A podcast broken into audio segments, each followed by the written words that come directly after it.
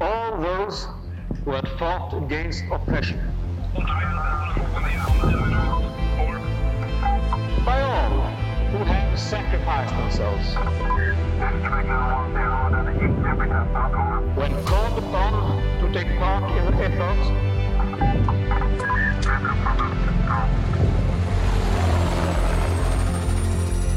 for freedom and peace. Detta är podden Tack för din insats. Försnacksavsnitt med mig, Filip Klinswitch. Detonationen var skarp. Det lät nästan som om det förekom så ljudet när man snabbt river ett pappersark. Sedan det skarpa höga ljudet av en detonation. Luften tog slut i lungorna och jag trycktes något framåt. Sedan den skarpa brännande smärtan kring armbågen. Blixtsnabbt drog jag mig ner genom hålet och stängde luckan. Shit, I'm hit. Aj jävlar vad ont det gör. Rent reflexmässigt, som om man bränt sig på en spisplatta, skakade jag armen fram och tillbaka.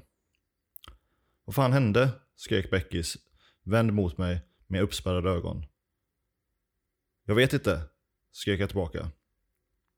Var det en jordkocka eller en sten? Det måste varit en sten. Fan vad det bränner. Hur är det? Jag vet inte. Jag hade inte kopplat in mig på radion så vi skrek till varandra. Jag började frenetiskt undersöka mig själv genom att amatörmässigt röra armarna och fingrarna.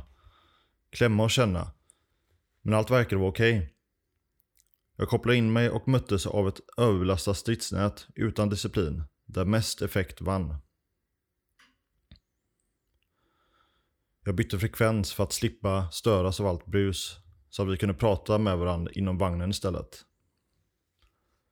Kan du känna om du märker något konstigt under kläderna här vid armen? frågade jag Beckis. Ja, visst, svarade nu en mycket lugnare Beckis. Nej, ingenting, sa han efter en stunds rotande. Nu hörde jag tramp på dukpottarna bak i vagnen och vände mig om. Jag möttes av synen av två kritvita kanadensare som skakade där bak. De hade tydligen inte följt med anmaningar tidigare utan stannat kvar i sin lastbil. Men efter det att granaten bakom oss slagit ned tog det skydd i vagnen fortare än kvickt. Smärtan var konstant och det gjorde verkligen ont. Det kändes även fuktigt under tröjärmen. Så jag började känna efter med vänsterhanden under tröjan. När jag drog ut den var jag helt blodig på fingrarna. Helvete. Elduppgifter, tänkte jag. Jag sträckte på mig och tittade ut genom prismorna. Tryckte ner SM-omkopplaren och började ge eld mellan och jävlar, fel frekvens, byta frekvens.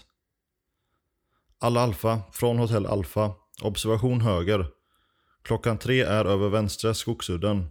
Eldområde. Gräns vänster, trädsamlingen. Vänster om huset. Gräns höger, högra skogsudden. Alla Alfa, slut kom. Foxtrot Alfa, uppfattat, klart slut. Golf Alfa, klart slut. Armjävel till att göra ont. Jag måste få av mig jackan så jag kan kolla upp armen. Radioprat i lurarna. Besättningen som ställer frågor. Kommer jag bli invalid? Fan vad jackan sitter fast och trångt är det. Förbaskade omkopplardosa. Måste få av den först. Börjar ta mig i remmarna. Avstånd. Jag glömde avstånden till utgångspunkterna för målargivning. Vad fan. Jag glömde ju utgångspunkter för målargivning också. Och är den förbaskade laser Den ska ju ligga här någonstans. Där är det. Upp i fodralet och bort med övningsfiltret. Jag lättade på luckan och började mäta avstånd. Huset 430 meter. Jag tar det en gång till. 650 meter.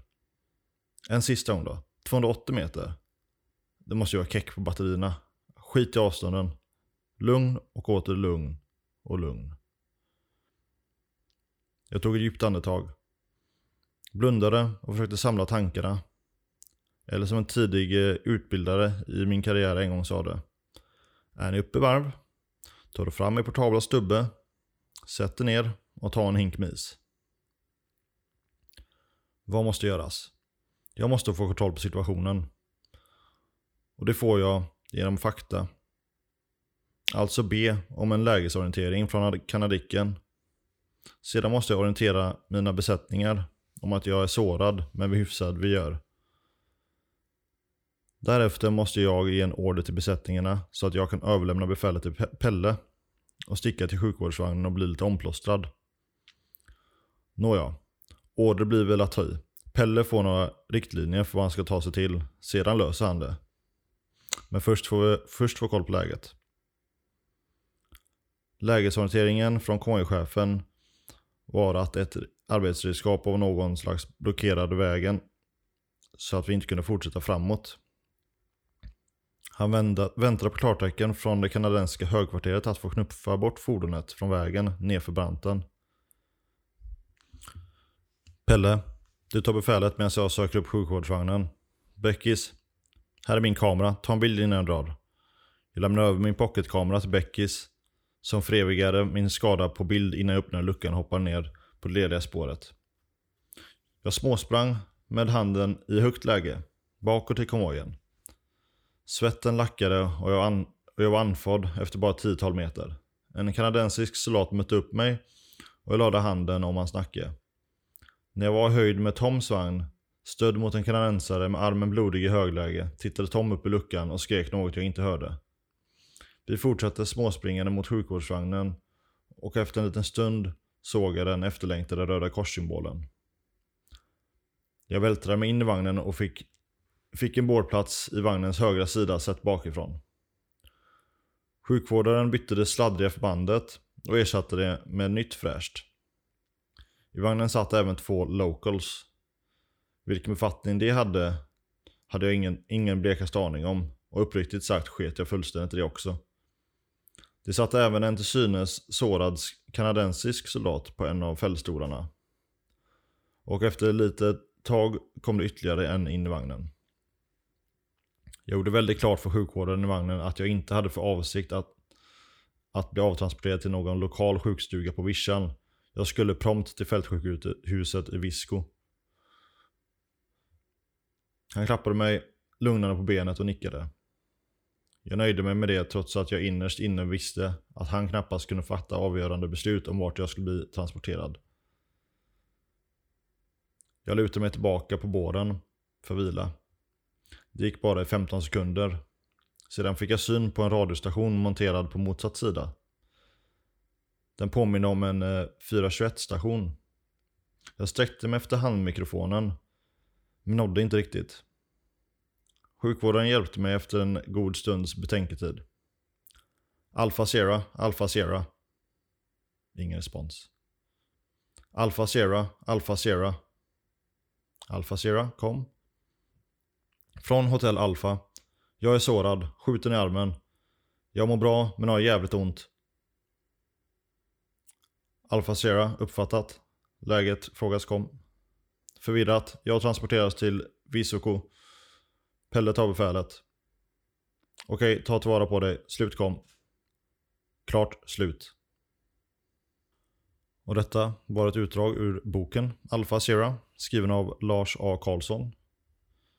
Denna boken eh, består av eh, flera olika historier från eh, den bataljonen, Nordbat 2. Eh, där man får ganska god insikt i vad olika individer hade för upplevelser Eh, på denna mission. Det finns många historier som eh, liknar denna eh, ute hos våra veteraner i landet. Och eh, denna podden är tänkt att få vara en av de eh, plattformar där dessa historier kan höras av folk som är intresserade av att lyssna.